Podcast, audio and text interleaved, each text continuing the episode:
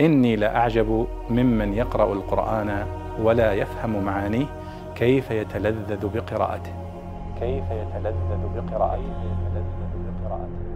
يقول الله سبحانه وتعالى واذكروا إذ جعلكم خلفاء من بعد عاد وبوأكم في الأرض تتخذون من سهولها قصورا وتنحتون الجبال بيوتا فاذكروا آلاء الله ولا تعثوا في الأرض مفسدين.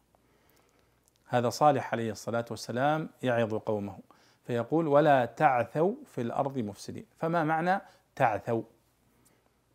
هذه كلمة غريبة. يقال عثى يعثو إذا أفسد فسادا شديدا. والعثو هو الفساد الشديد. يقال عاث في الأرض فسادا. يعني أفسد فسادا شديدا.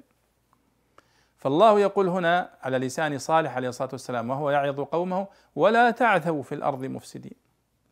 يقول لقومه ثمود لا تعثوا أي لا تكثروا ولا تعيثوا في الأرض فسادا وتبالغوا في الفساد وأشد أنواع الفساد هو الكفر بالله سبحانه وتعالى. فإذا عاث يعثو وعاث يعيث بمعنى أفسد فسادا عظيما. أفسد فسادا عظيما. ومنه العثة. التي تصيب الملابس هي مأخوذة من هذا لأنها تفسد الملابس. والله أعلم.